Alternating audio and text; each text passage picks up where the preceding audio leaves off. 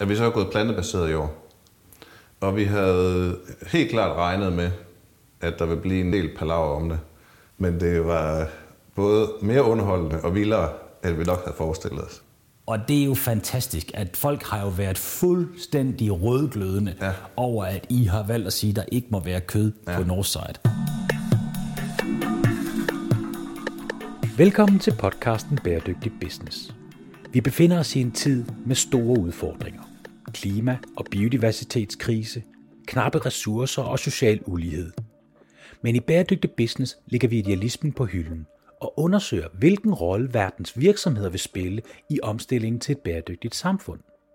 De globale udfordringer kan nemlig ikke løses af velgørenhed og filantropi alene. Hvis vi skal afværge den nuværende kurs mod katastrofe, så skal vi lave bæredygtighed til sund forretning. Mit navn er Steffen Max Høgh. Jeg er forfatter og foredragsholder og har arbejdet med bæredygtighed de sidste 10 år. Jeg taler med førende eksperter og undersøger, om der er penge i at tage et socialt og miljømæssigt ansvar. Northside Festival startede, øh, ja, for en, øh, det må være en 12 år siden efterhånden, øh, og var en lille ting nede på Tankronen, det det man i, her på kontoret kalder år 0, tror jeg. Øh, rent danske artister, det sejlede ned med regn. Der var en øh, fodboldlandskamp samtidig og alt muligt. Så det var på mange måder sådan, øh, virkelig en prøvelse. Øh, men så rykkede man jo ud til Ådalen, og så gik det ret hurtigt. Fra en øh, to-dages festival til en tre-dages festival, og, og voksede øh, til de cirka 35.000 daglige gæster, man har i dag. Ja, fordi Northside har jo den, og det er vel lidt anderledes, der sover folk ikke på festival. Man er der Nej. hele dagen, tager hjem, så kommer yes. man igen, hvis man har lyst til det. Ja. I modsætning til Roskilde Festival ja. og alle de andre klassiske. Ja, altså, og det er i virkeligheden øh, en kæmpe fordel for os. Okay, øhm, hvordan det? Vi, vi ser os selv som en, hvad skal man sige, en, en bynær festival, øh, som du siger, netop betyder, at man går eller cykler derud. Vi har ikke nogen parkering. Man overnatter der ikke, man går hjem i sin seng eller på hotel eller hvor man nu overnatter. Øhm, så det er på meget måder en ekstrem luksusfestival, fordi at øh, du kommer hjem i en god seng, og der er et bad, og så videre, så videre. Øh, men nogle af fordelene ligger også i, at vi netop ikke har hele campingdelen. Og det er jo ikke nogen hemmelighed, at for nogle af hvad skal man sige, vores øh, kollegaer fra andre festivaler, så når vi snakker bæredygtighed, så ligger rigtig meget problematikken ude på campingområderne. Og det er vi sådan set helt ud over. Ja, og der kan man sige, at det er jo særligt alt det der affald, der bliver genereret. Mm. Altså, det er jo hver eneste år, der er Roskilde ja. Festival og de andre festivaler, så bliver der taget billeder ja. af de der pladser, som de i øvrigt gør rigtig meget ud af at gøre rent og rydde ja. op bagefter. Og sådan mm. noget, men de tager billeder af alt det der hav af affald, der ligger ja. ud over det hele. Og så bruger man i øvrigt det som argument for, at unge mennesker vil de virkelig bæredygtighed, mm. når de efterlader tingene på den her måde. Yes, så der kan man sige, det slipper I selvfølgelig for i den ja. her sammenhæng. Ja. Det er også der, vi adskiller os, kan man sige. Øh, og det tror jeg også er vigtigt. Der, der er jo sket noget inden for vores branche, altså festivaler, der kommer rigtig mange. Jeg tror, man siger, at der er 25.000 festivaler i Europa alene. Altså i større og mindre grad, ikke? 25.000? Ja, øh, med over 500 millioner kunder om året, ikke? Hold da op. Øh, så det, det er også en stor business, og der er også mange af dem.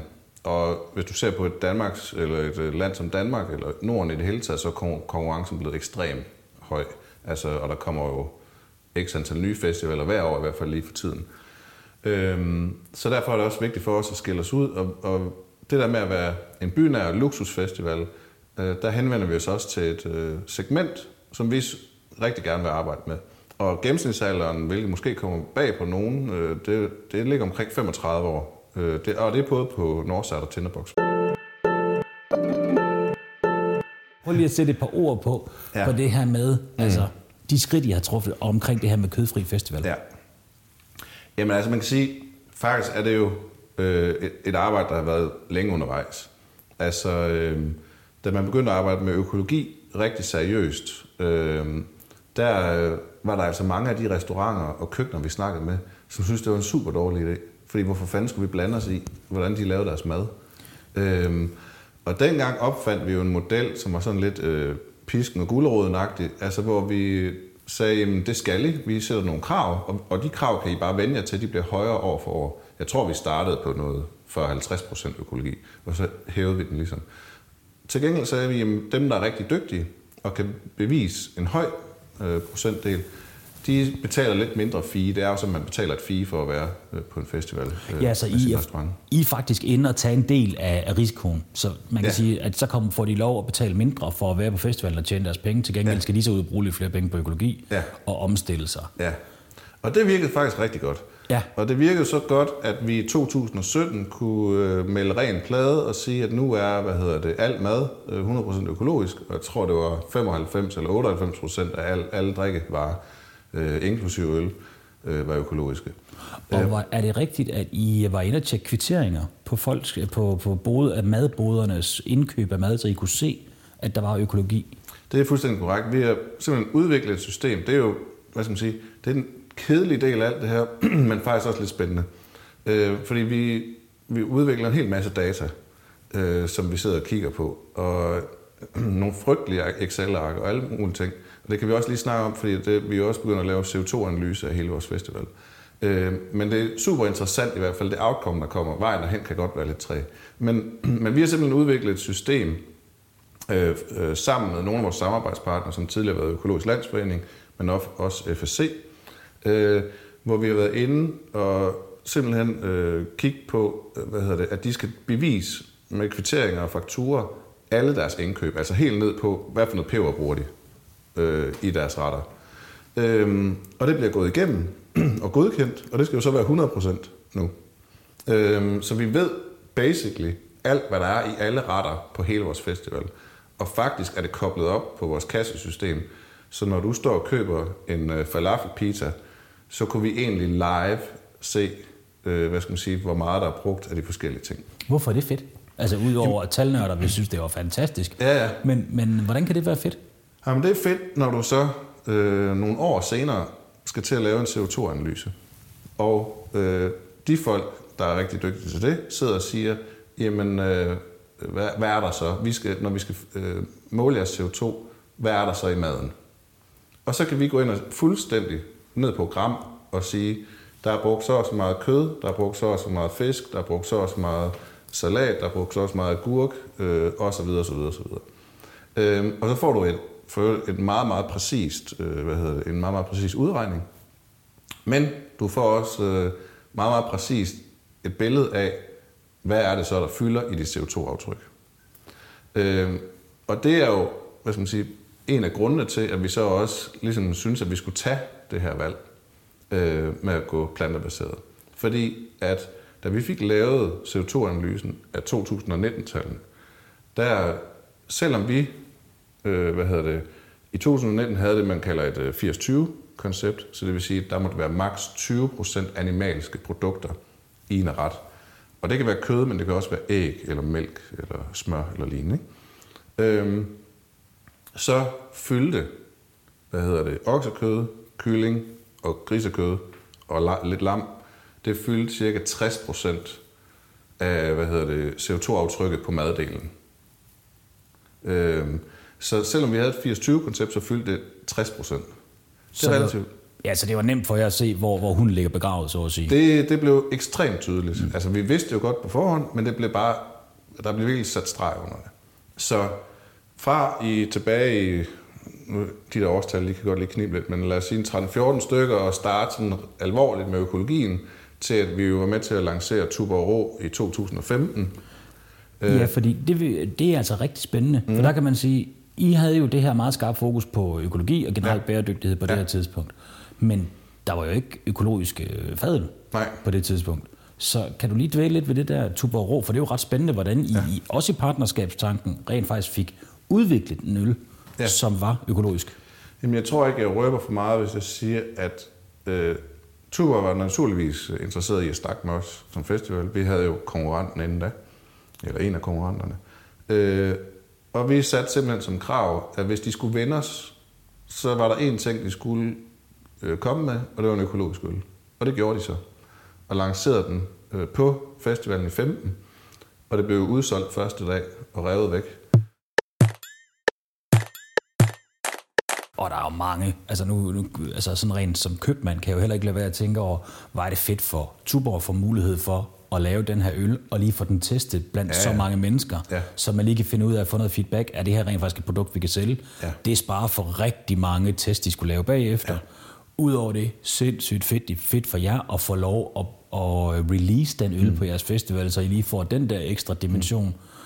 Og så presser I så alligevel mere på efterfølgende, så det kun er den efterfølgende, man kan få. Mm. Er vi så gået plantebaseret i år?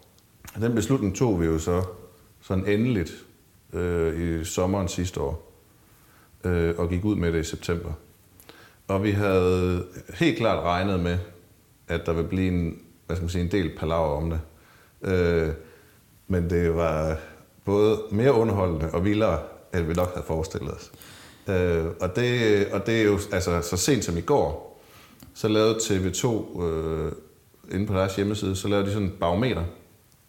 Så, så stod der sådan noget med, øh, hvad, hvad, hvad kan hisse øh, den danske befolkning op? Så det ene barometer, det var, at øh, Taliban indfører burka øh, for alle kvinder, og der var der sådan lidt rødt nede i bunden. Og så at Northside indfører plantebaseret menu, så altså, den stod i brand. Ikke? Jeg tog et screen dump af den, for jeg så den nemlig også godt. Ja. Og, og det er jo fantastisk, at folk har jo været fuldstændig rødglødende ja. over, at I har valgt at sige, at der ikke må være kød ja. på Northside. Ja. Og, og nu bliver vi nødt til at tage the million dollar question. Yes. Hvordan kan I finde på at gøre det, når det er, at der er så mange mennesker, der bliver utilfredse? Altså, er I ikke bange for, at I kommer til at støde nogle kunder væk? Fordi jeg forstår mm. godt, I gør det. Jeg synes, det er mega visionært. Mm. Jeg synes, det er det rigtige at gøre. Men den gamle dags købmand vil jo nok sige, ej, puha, vi kan da ikke sige, vi kan ikke skubbe vores kunder væk på den måde, mm. og vi får en masse dårlig omtale, fordi mm. der har også været rigtig mange, der har været sure. Ja. Derude ganske almindelige folk, som, som jeg kender i mit private netværk, har sagt, ej, det er sgu for latterligt, at man ja. ikke kan få noget med kød.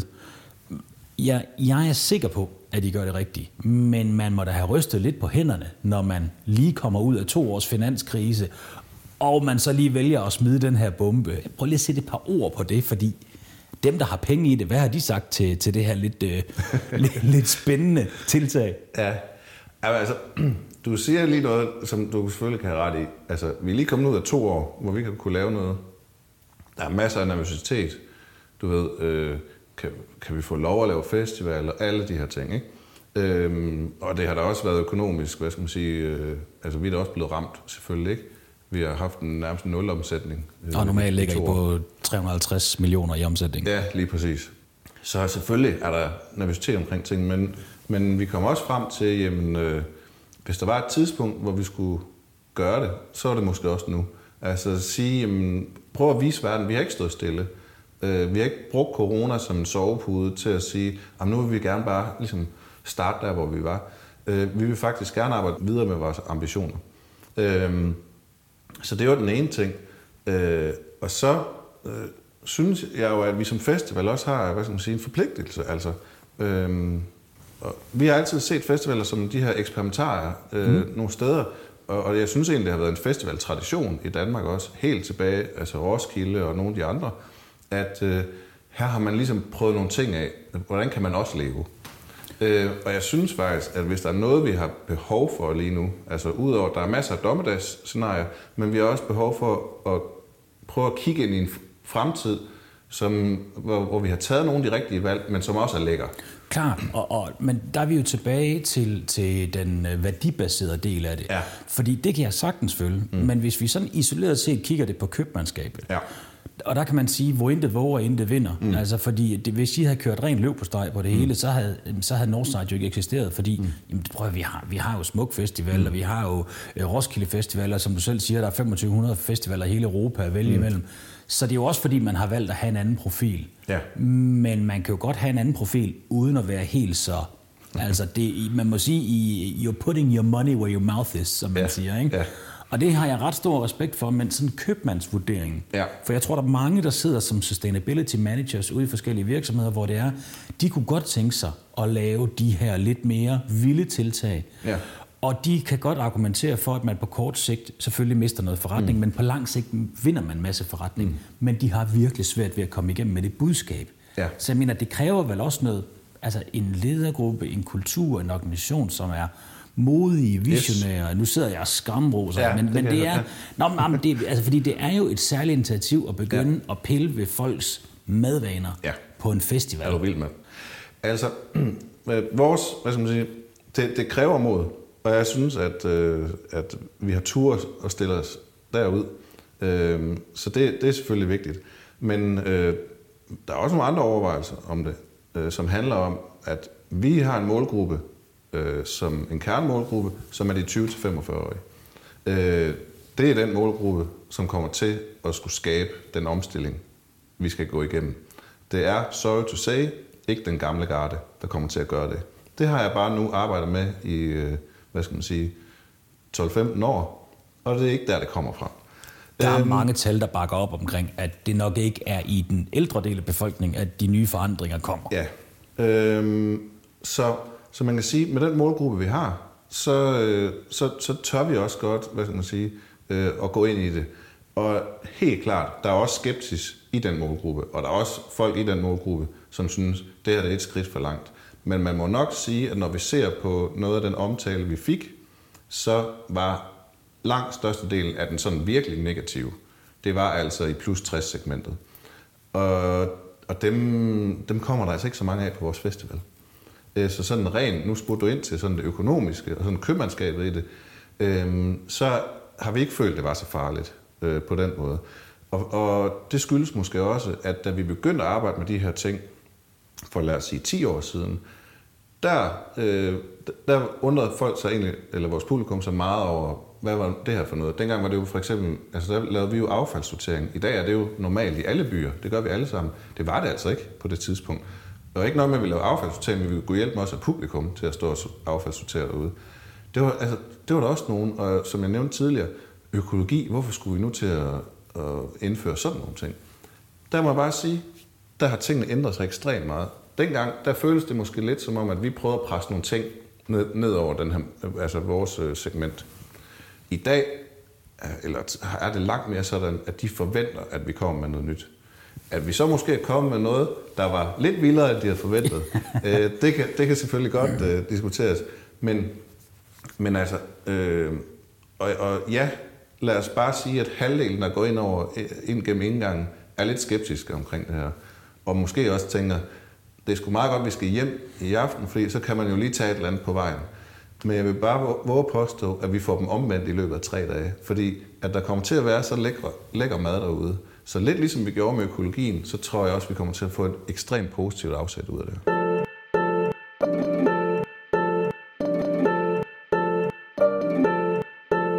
Altså, nu ved jeg jo ikke, om det bliver lækker mad derude, men det er jo klart, at det her vil jo blive en bravende fiasko, og, og nu hvor vi sidder og indtaler den her, er festivalen jo ikke afviklet nu, men det vil jo blive en bravende fiasko, hvis det så bare var rigtig, rigtig tavlig mad, der var derude. Ikke? Ja. Altså, så det kun var hirsegrød, og alle de andre hadretter, man havde ja. i børnehaven, når, der, når de budgetterne var lidt lave ja, sidst på måneden. Så selvfølgelig så bliver det lækker mad derude, men den impact, man kan have, fordi mm. det er jo 35.000 mennesker. Mm. Altså, det, er jo, det er jo sådan nogen som mig, der mm. kommer på sådan en festival, hvor det er, at, at jeg er rigtig god til at lave mad, mm. for at være helt ærlig. Mm. Det er jeg. Jeg har lavet store selskaber og det ene og det andet. Men hvis jeg ikke laver mad med kød, så er jeg reduceret til en, der... Altså, så er jeg nærmest nybegynder mm. i køkkenet. Jeg tror, jeg kan 10 veganske retter. Og vi begynder også stille og roligt i uh, vores hjem derhjemme, og med familien, og det er egentlig de yngste, der er mest imod det. Men det her med at indføre flere og flere mm. vegetariske retter mm. og veganske retter, men, øh, men man presser jo stadigvæk sin målgruppe rigtig meget, så det er jo fedt det der, når der er 35.000 mennesker, der rent faktisk prøver at opleve noget nyt, så ja. flytter man rigtig meget. Mm. Men er du spændt på, hvordan reaktionerne bliver? Naturligvis. Øh, jeg kommer til at gå og kigge folk over skulderen i tre dage, ikke? og se ansigtsudtrykkene osv. Og, Ikke? og vi kommer også til at holde øje med salgstal og alle al sådan nogle ting. Ikke? Øh, helt sikkert. Øh, det, det, er, altså det, er jo, det er jo et eksperiment i kæmpe stor skala, det her, hvis man kan sige det sådan. Det er det. Øh, som vi har skrevet under på. Men nu kan vi prøve at vise det i tre dage, at øh, du kan vælge mellem 40 forskellige køkkener, øh, som alle sammen gør det her. Og, og det er jo det, det er virkelig spændende, og det er en rigtig, rigtig god pointe. Nu snakker vi jo selvfølgelig meget mad, men det er jo et princip, der gælder over for alt. Ja. Altså det her tilgængelighed, altså man kan sige, nu, nu sidder jeg selvfølgelig og skamruser øh, Simons og min bog, Bæredygtig Business, mm. men det er jo det der med, at det er simpelthen en fejl at tro, at bæredygtighed kan redde et dårligt produkt. Mm. Men hvis du kan lave et godt produkt, som er bæredygtigt, så kan du godt få folk fra et ikke bæredygtigt mm. produkt mm. og flytte dem derover. Lige præcis. Men du kan ikke flytte folk fra et godt ikke bæredygtigt produkt mm. over på et dårligt bæredygtigt mm. produkt. Så det betyder rigtig meget, at det er tilgængeligt, nemt, lækkert, nydelsesfuldt, at du føler, at du får noget for dine penge, og i øvrigt, at du så også er aligned med de der værdier, der ligger der. Ja. Det fører jo tilbage til, at hvis vi skal løse nogle af de her store problemer, jamen så bliver vi nok nødt til at kontrollere lidt mere om, hvad er det, der kommer ind, og hvad er det, der kommer ud mm. af vores land, og hvordan tingene skal gøres. Så der er vel også noget med, med den der personlige øh, frihed, fordi det mange virksomheder oplever, og det er jo spændende at spejle det ind i, i jeres forretning her, fordi som du selv siger, I har et hegn rundt om jeres gæster. Og hvis de køber billetten, så kommer det rent. Hvis de er glade, når de går ud derfra, så kommer de nok også igen. Mm. Så de skal bare være glade, når de er derinde. Men mange virksomheder oplever jo, at når de så skal lave nogle tiltag, lad os tage fat i det her med mad, så skal kantinen øh, til at lave øh, mad uden kød, og de oplever ligesom jeg gør, når jeg står derhjemme og laver mad, at de ikke er lige så dygtige til at lave mad uden mm. kød, som de er, øh, når der er kød i. De får måske heller ikke den anerkendelse, der skal til, og det betyder, at kantinen bliver træt af at skulle lave den grønne omstilling. Dem, mm. der spiser dernede, de synes, det er træls, fordi de vil hellere have en hakkedreng, end de vil have en rubedebøf. Og så har vi balladen. Mm. Så hvad, øh, altså, hvad er dine tanker omkring det her med, hvor meget I egentlig presser jeres gæster til at, øh, til at prøve nye ting? Er du bekymret for, at I simpelthen går for meget ind over det der, som man vil kalde autonomi i psykologien? Altså, I går for meget ind over deres egen følelse af, hvor meget de må bestemme. Altså, hvor meget må I egentlig bestemme over mm. mig, når jeg kommer på en festival? Mm. Kan du følge mig? Jamen, det kan jeg godt. Det sjove er jo bare lidt, at vi jo sådan set altid har bestemt. Ja.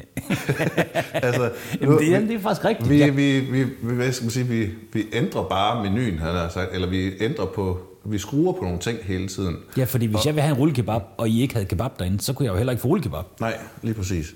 Altså, øhm, man kan sige, at der er så bare nogle ting, som man lægger mere mærke til end andre. Ikke? Altså, jeg tror ikke, der er nogen, der kommer til at brokse over, at vi har skiftet øh, dieselgeneratorer ud med, med hvad skal man sige, med, certificeret grøn strøm. Men, men, øh, og det går de måske heller ikke så meget op i, fordi det, det har ikke nogen hvad skal man sige, indflydelse for deres, for deres oplevelse sådan direkte. Øh, men jeg vil sige, at jeg, jeg tror også, at det, meget af det ligger i noget gammelt tankegods, altså i noget vanetænkning, og Øh, jeg synes, du nævnte øh, tidligere, altså noget af det der økologi, vi to måske er vokset op med, altså det kan jeg godt huske. Det var ikke nogen fornøjelse. Altså, øh, jeg boede ude i noget, der hed Vejleby her i Aarhus, øh, og der havde vi sådan noget fælles spisning. Altså det var jo øh, altså, det var sådan meget rødt øh, segment, mine forældre de var en del af. Ja, når, da du sagde ordet fællesspisning, så vidste vi godt, ja. det, var, det er gode gamle dage. Jeg kan godt huske det der brune ris, med klumpet ris med sådan nogle øh, skal på, ikke? Ja. Det var næsten ikke til at få ned, vel? Nej, men det var sundt, det var sundt fik man at vide. Ja, der er bare sket meget. Ja. Og det der eksempel, du siger med kantinen, øh, nu sidder vi jo her i vores hovedkontor, vores kantine øh, damer derude laver øh, den ene lækre måltid efter det andet, hvor de her ting de væk. Og nogle gange så opdager folk det ikke. Altså det, det, der kommer også nye spændende produkter til. Øh, altså en af vores andre partnere er Organic Plant Protein, som hvad hedder det, altså laver et proteinprodukt, som erstatter kødet. Øhm, og det er helt vildt, altså. Og der er mere protein i en kødføde. Så de der folk, der står og træner nede i centret, som mener, de ikke får nok protein, det er ikke noget problem. Øh, så hvad hedder det? Så, så det er jo også et spørgsmål om, hvordan du nudger det ind, eller hvordan du masserer det ind. Klar. Og, og helt ærligt, jeg tror, hvis, øh, altså, som kantiner og sådan noget, de skal, de skal bygge på de små succeser, ikke? De skal, de skal lave en, en ret en dag, hvor folk de får armen over vejret, og så bygge på det. det. Det er nok for dramatisk at sige fra den ene dag til den anden, så alle kantiner på Aarhus Universitet, der er ikke noget kød, men øh, de bliver nødt til at komme i gang, og så prøve nogle ting af.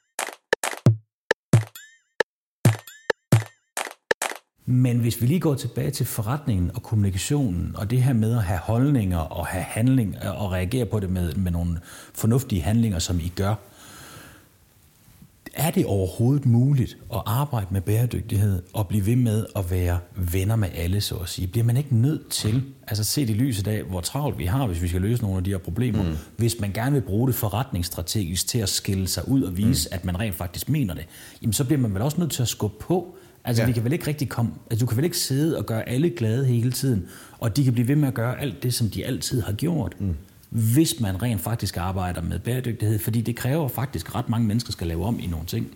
Ja, altså. Jamen, det er jeg enig i, og, og det kræver i hvert fald, at der er nogen, der tør stille sig derud. Altså, øhm, Det er ikke så lang tid siden, hvor jeg så øh, direktøren for Covi gå ud og sige, jamen øh, de siger nej til opgaver, var det inden 25, men nedskaleret inden 25, og efter da, der laver de ikke opgaver altså inden for øh, kulkraftværker, eller nej, jeg ved ikke engang, hvad det var. Nej, men- Platform, men, men i hvert fald, de, de har ligesom, og, og, og det betød for dem, sagde de, øh, at de vil tabe ordre for x antal 100 millioner om året. Det var nogle meget, meget store tal.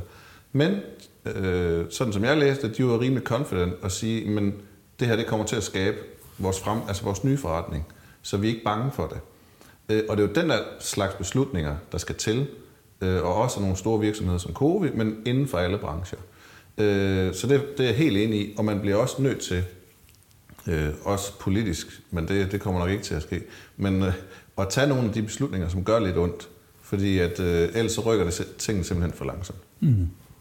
Ja, og det er jo det er meget spændende, at man kører den over på det politiske, men, men fordi at, at i bund og grund, så, så har vi jo det her system, som hedder demokrati, som er noget værd og hø, men det er ligesom det bedste, vi nu engang har at gøre med, fordi alternativet er noget rigtig rod. Ja. Men det er jo klart, at det er jo svært at lave hurtige forandringer i et samfund, hvor alle folk har lov til at være med til at bestemme, om det er en god idé eller ej.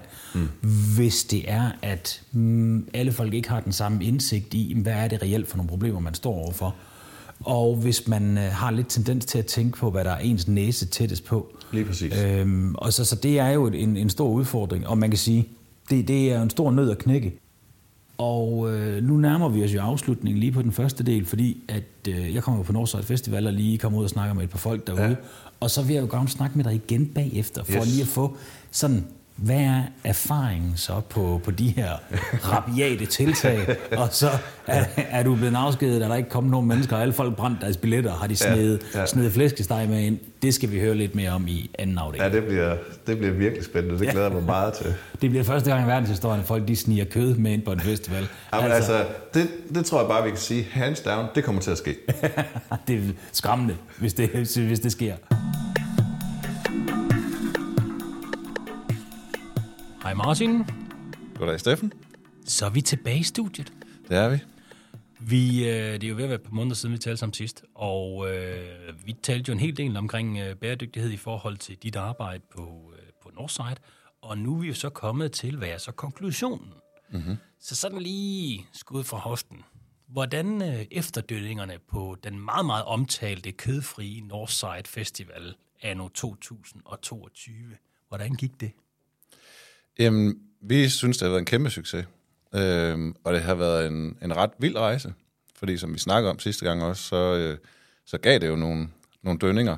Folk der var sure. Der, der var nogen, der var sure, og også øh, tog bladet fra munden øh, omkring det. Øh, men, men vi må jo også sige, at vi kunne også se, at vores gæster egentlig langt hen ad vejen bakkede op, øh, og synes at det var modigt, øh, og, og, og var spændte på, hvad det kunne.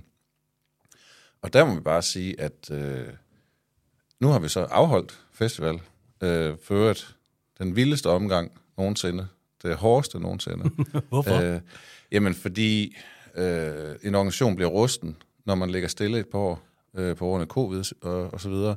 Øh, der var blevet skiftet ud på nogle pladser, øh, og så havde vi øh, i kultur generelt et problem med ikke at kunne få frivillige simpelthen. Det var vir- virkelig, virkelig hårdt. Altså, jeg tror aldrig, jeg arbejdede så meget. Du var lidt svær at fat på, fordi ja. Jeg var der jo faktisk, Ja. og, øh, og jeg prøvede jo at få fat i, øh, eller ikke få fat i en øl fra dig, men få fat i en øl med dig, ja. og det var jo nærmest umuligt, du piskede rundt, Ja. men øh, lad det være det. Ja. Der var jo ikke helt så mange i år, som der har været de andre år, har det det? Altså jo, faktisk er det andet bedste år i Nordsejs historie. Og øh, vi havde 40.000 derude alene om lørdagen. Var det ikke noget med, at der var billetter i overskud? Man stadig kunne købe billetter helt op til. I plejer at være udsolgt lang tid op til. Ja, men det der faktisk var ved det, det var, at, øh, hvad hedder det, i må, altså, en måned inden eller sådan noget, tror jeg, der kørte stiften en artikel om, at de havde fundet nogle billetter på DBA, der var vildt billige. Og det måtte jo betyde, at øh, Northside var i krise, og det var højst sandsynligt noget med det plantebaserede at gøre. Øh, så den kørte de, og den øh, tog politikken og et par andre medier også. Nej! Jo, øh, for øvrigt uden at spørge os. Øh, så hvad hedder det? øh, Så den historie kørte et stykke tid. Var det sjovt, for det var lige præcis det, jeg skulle til at spørge ind til. Ja. Det var nemlig det her med, øh, der var der billetter i overskud. Ja. Når det er simpelthen bare en and, der har været ude. Ja, altså det, der skete til sidst i dagene op til, det var, at du ikke, du ikke kunne finde nogen øh, online. Så, altså, så det, var, det, var, det var igen lidt en speciel oplevelse, det der. Okay, så ja. vi har faktisk oplevet lidt, øh, kan man sige lidt hets på baggrund af, øh, Det vil jeg nok våge på at stå af. på baggrund af, at de har valgt at sige, at være kødfri, så er der simpelthen folk, der har haft lidt ondt i måsen, og øh, er det ja. det, I oplever? Altså, jeg, ved, jeg, jeg, jeg ved ikke, om jeg tør at sige, at det er på baggrund af det, eller om det har været vores øh, håndtering af medier, eller hvad der har været tidligere. Øh, der kan ligge meget til grunden. Nej, okay, Øh, fair nok, så det kan også så- godt være, at pressehåndteringssituationen har måske gjort noget, men Men ikke desto mindre, så blev det i hvert fald... Øh, der var i hvert fald, nogle medier, som, øh, som var meget opmærksomme på at kunne skrive den negative side af enhver historie, der kommer om os.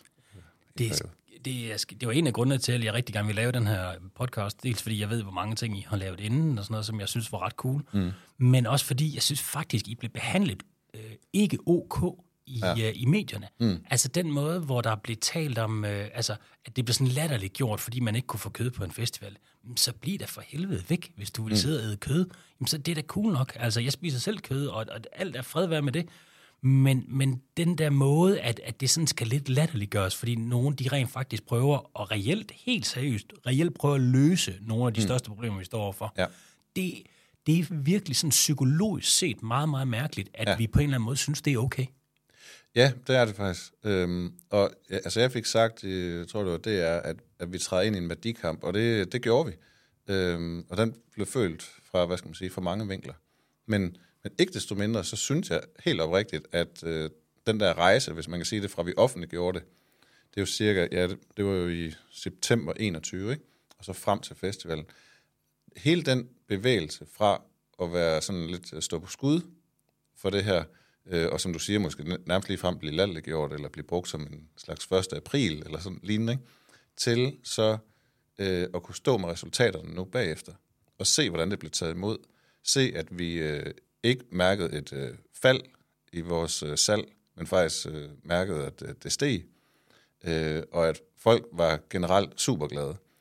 Øh, og høre historierne fra køkkenerne og fra øh, vores gæster omkring, hvordan det her det faktisk kan være med til at ændre på restaurantsiden, det de vil tilbyde deres kunder i det daglige fremadrettet, og på vores gæsters side, at det her det er et valg, man godt kan tage, øh, også i, i hverdagen. Altså, det, øh, det lyder meget rosenrødt. Altså, kommer I til at gøre det igen næste år? Ja, det gør vi 100 procent. Okay.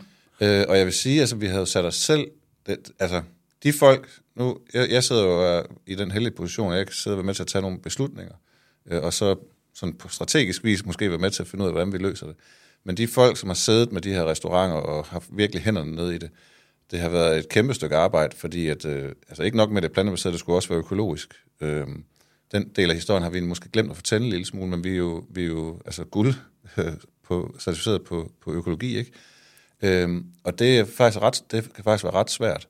Så det har været en kraftpræstation af de der restauranter.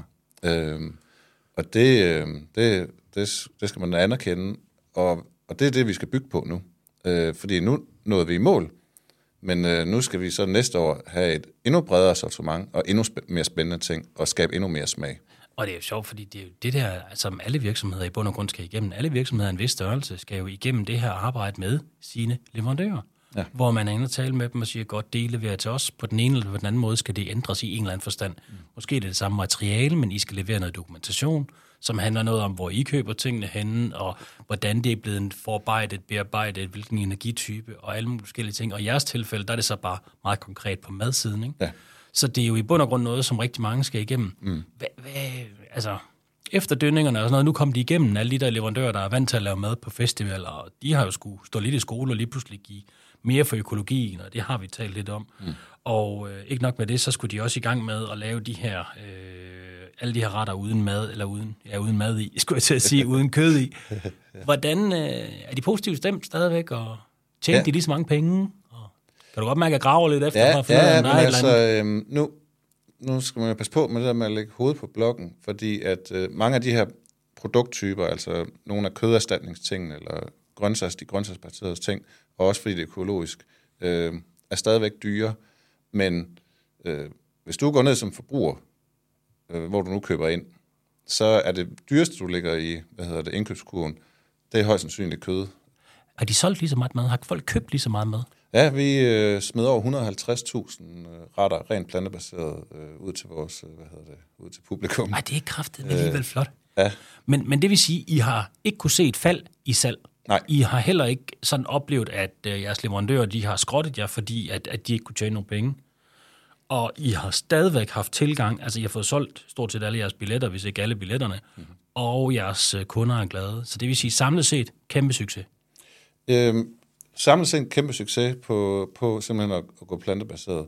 Øhm, og ja, der er, stadig kritiske røster, og, og der, er, der er måske nogen, som vi har i den hvad skal sige, proces har sidet fra, øh, som ikke længere er potentielle kunder ved os, ved os. Men omvendt så har vi også vundet af nogle andre. Og vi har fået positioneret os selv der, hvor vi gerne vil som festival. Og det er også vigtigt. Er der nogle andre vilde ting, I, øh, I kigger den? Jeg tror, vi ud fra et, hvad skal man sige, en, en vinkel fra vores gæster, der kommer vi nok ikke til at gøre noget, der er lige så vildt, fordi at øh, det her det er bare et sted, hvor du Det kan ender... næsten ikke toppes. Det kan det faktisk næsten ikke. Nej. Altså, øh, kommer vi til at gøre flere ting? Absolut. Øh, og vi kommer til at tage der, hvor vi er nu, og skrue op øh, på de knapper, hvor vi kan. Øh, og der er stadig ting omkring øh, transport og energi og så videre, hvor vi, hvor vi kan gøre en masse ting. Så vi kommer helt klart til at fortsætte med at bevæge os fremad. Vi kommer helt klart til at fortsætte med at gå forrest på den her agenda. Altså, jeg savnede en, en rullekebab, da jeg var derude. Det er der ingen tvivl om. Men jeg var jo midt og glad hele vejen igennem, så, så det lykkedes jo selv for mig at blive glad. Øh, men jeg er nok heller ikke den, den sværeste overbevist i sådan en situation. Jeg tror, der skal nok være nogle die-hard kødfans derude, som boykotter Northside. Så er spørgsmålet, om det er overhovedet er relevante kunder for jer. Fordi der er tonsvis andre steder, de kan fise hen. Lige præcis. Altså, øh, man kan sige, øh, vi kommer til at præsentere noget musik, som de måske ikke kan få andre steder, og så må de jo se, om de kan, kan bide det i sig. Men, øh, men hvad hedder det? Men ja, hvis det betyder, at man ikke vil på Northside, så kan man sikkert finde et andet sted at tage hen og hygge sig. Men det sætter jo i høj grad tingene i perspektiv, når man tænker på, øh, hvor store forandringer det kræver bare at fjerne kød fra en festival, så forestiller alt det, vi skal lave ude i den store verden, i samfund, i virksomheder, i byer og alle mulige andre steder. Så det er store ting, der skal til. Ja, og det må jeg simpelthen personligt sige, det er det, der overrasker mig allermest faktisk, fordi at vi kigger altså ind i, at vi alle sammen skal ændre øh, vores madvaner. Vi skal ændre på rigtig mange parametre af den måde, vi lever på i dag øh, i fremtiden. Øh, og det var faktisk nok det, der overraskede mig mest, at man på fjerner kød på en festival, som kun er tre dage, hvor du fører deltager frivilligt, at det kunne alligevel skabe så meget debat. Øh, det overraskede mig, det må jeg sige, fordi at, at det er ikke sådan, vi går ud og siger, at vi tager kødet ud af jeres hjem. Øh, det styrer man jo selv. Øh, men vi siger, at vi gerne vil være en inspiration. Ja, og det, øh, altså det, det er skræmmende. Men, man, psykologisk set kan man jo godt forstå det, man er inde og trykke på den der autonomi. Mm. Det med, at man kommer ind og siger, nu er der noget, du ikke kan længere. Det må du ikke mere. Der er bare mange mennesker, som, og jeg har jo nok også selv lidt en af dem, som meget hurtigt sådan får den der fornemmelse af, hov, hov, hov, var der lige en løftet pegefinger, var der lige et, øh, et, et nej, det må du ikke, det skal du ikke bestemme, jeg vil selv bestemme. Problemet er bare, at der er jo rigtig mange, eller der er mange ting i vores liv, vi i forvejen ikke bare lige får lov at bestemme. Så, øh, så vi skal nok vende os til, at der er nogle ting, der ændrer sig lidt løbende.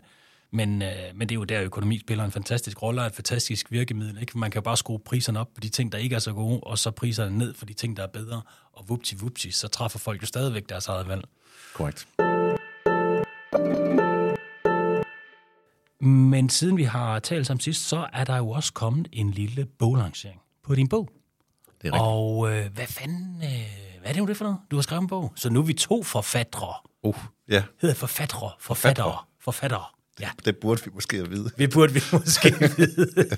Der er to forfattere i, uh, i studiet, studiet, lige ja. nu. Fortæl Yes. mig lige om din uh, meget fine bog. Den er noget mere grafisk lækker end min, vil jeg godt lige sige. Og Simons.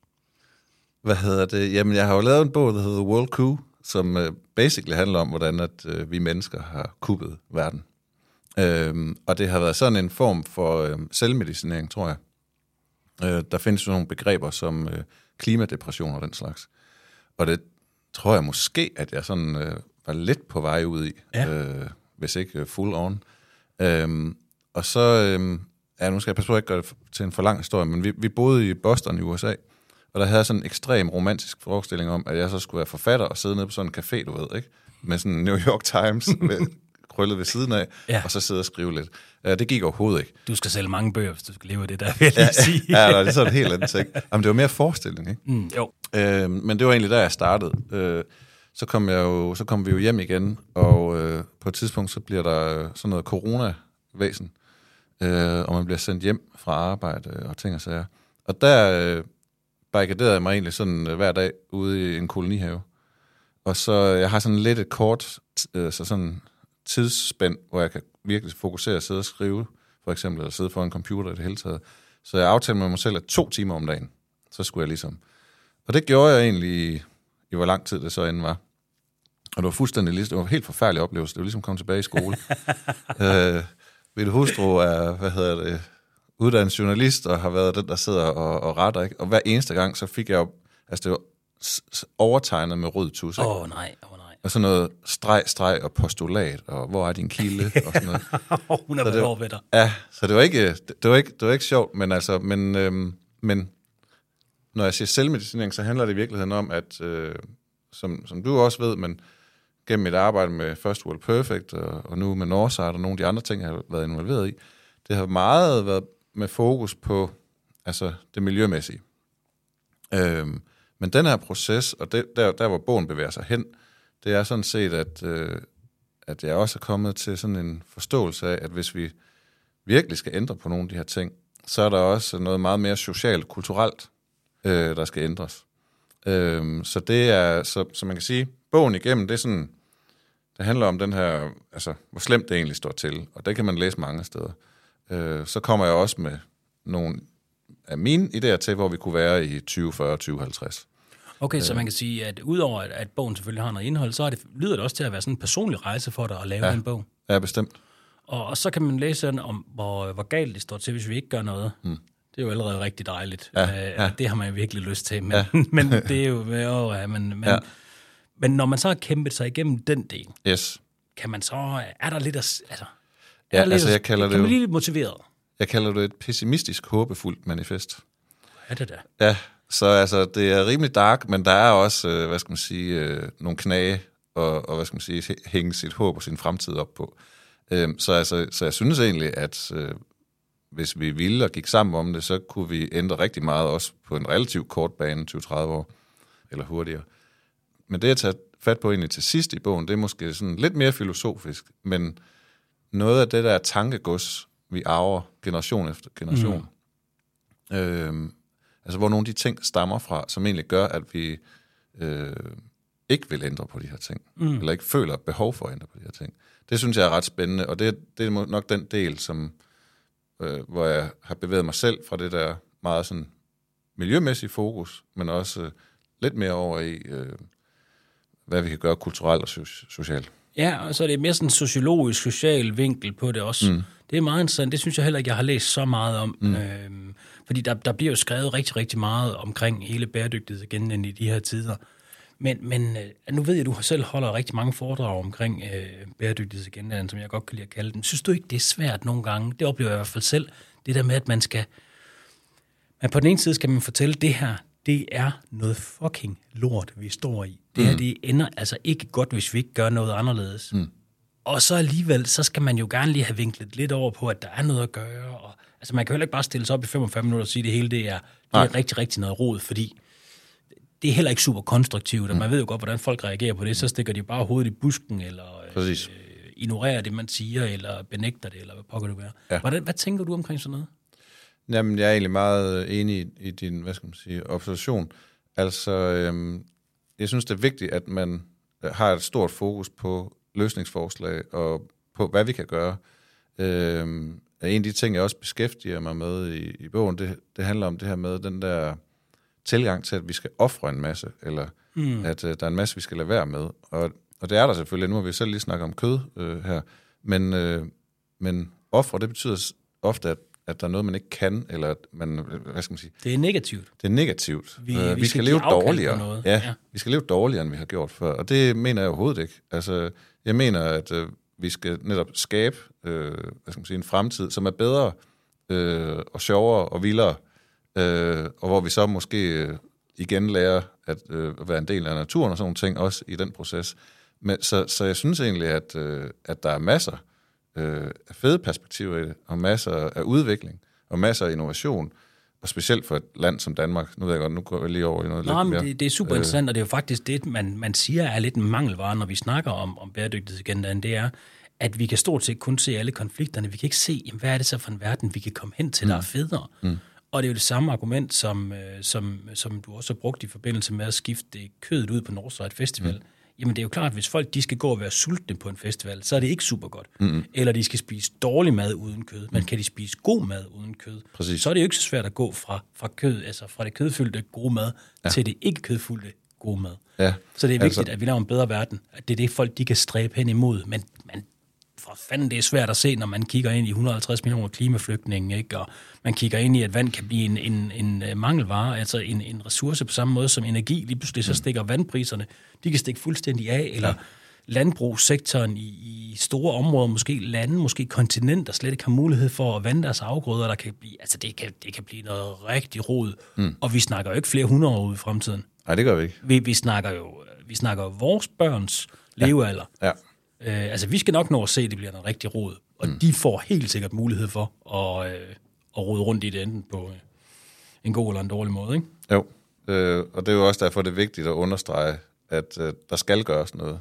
Øh, og det er også, altså, den energikrise, vi står i lige nu, må ikke blive en, en sovepude i forhold til øh, at vente med de her investeringer.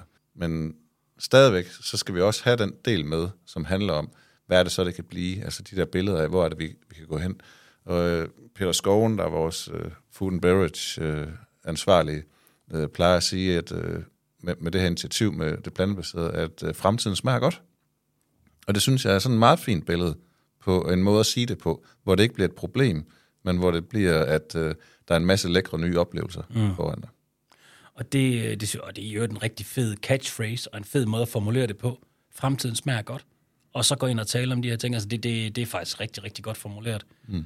Og man kan sige en anden ting, hvis man lige skal tage den, de sociologiske briller på, det er at sige, jamen, jamen altså, hvis vi ikke øh, lykkes med at lave de her transformationer nu, hvor vi har det godt, så skal vi lave transformationerne, hvor vi ikke har det godt. Ja, Og man kan sige, lave dem, når man ikke har det godt. Det kan godt være, at man på, sådan, på motivationsskalaen kan man, kan man sige, nu bliver vi nødt til at gøre det, og så gør vi det, og så er man motiveret for at gøre det af den årsag, fordi man simpelthen kan se, at det bliver noget rigtig, rigtig rod, hvis man ikke gør det. Men det der med det menneskelige overskud, jo flere folk, der har det godt, der trives godt, har nok lidt nemmere ved at sige ja til at prøve noget nyt, og føle, at de selv er med i processen. ja. Så, så det, det, jeg tror, øh, det kunne give god mening, hvis vi kunne sådan sørge for, at generelt mange mennesker har det godt. Jeg tror, mm. det er nemmere at lave den der omstilling. Fuldstændig enig. Altså, tror, du får bedre løsninger af folk, der har overskud Ja. til at tænke de rigtige tanker, til at lave de rigtige løsninger, end folk, der vidderligt står med ryggen mod muren og bare Ja. skal finde en eller anden løsning meget hurtigt. Ja, og så kan man sige, så bliver det hele connected, ikke? fordi så snakker vi jo meget ind i den der sociale ulighed. Ikke? Mm. Hvordan er det ligesom, det flytter sig lige nu, for det går ikke helt i den rigtige retning. Men det, det er en spændende tid, vi lever i. Ja, meget. Det er det virkelig. Ja. Hvor kan vi købe den der fine bog hen? Jamen, øh, den kan man jo købe online på theworldcoup.com, og så, øh, så er der nogle, øh, nogle ting undervejs, som jeg håber at kunne løfte sløret for, øh, og ikke så forfærdeligt. Du ser ud som om, at der er, øh, der er ting i støbeskæen, fornemmer jeg. Det øh, er der bestemt. Det? det stopper ikke her. Det er dejligt at høre. Ja. Martin Tim, det er jo som altid en fornøjelse at tale med dig. Tusind tillykke med din bog, og rigtig stort tillykke med en Årsret Festival er blevet en øh, plante, øh, plantefri, skulle jeg til at sige. Plantebaseret er nok en bedre øh, måde at formulere det på, og ikke mindst, at I havde god succes med det. Det er jeg virkelig, virkelig glad for, og det synes jeg reelt, I fortjener. Tusind tak, fordi du vil være med. Jamen, tusind tak, fordi at, du er inviteret. Det er en fornøjelse at have de her samtaler. Det bliver ikke sidste gang. Det er godt. Du har lyttet til Bæredygtig Business. Mit navn er Steffen Marksø, og du er meget velkommen til at finde mig på LinkedIn, hvis du har idéer til emner, jeg skal tage op i podcasten. Ros og ris er også meget velkommen. Husk i øvrigt at abonnere på podcasten i din podcast-app, så får du automatisk besked, når der er nye episoder. Og hvis du giver os en god anmeldelse, så hjælper du med at sprede budskabet om bæredygtig business. Tak fordi du lyttede med.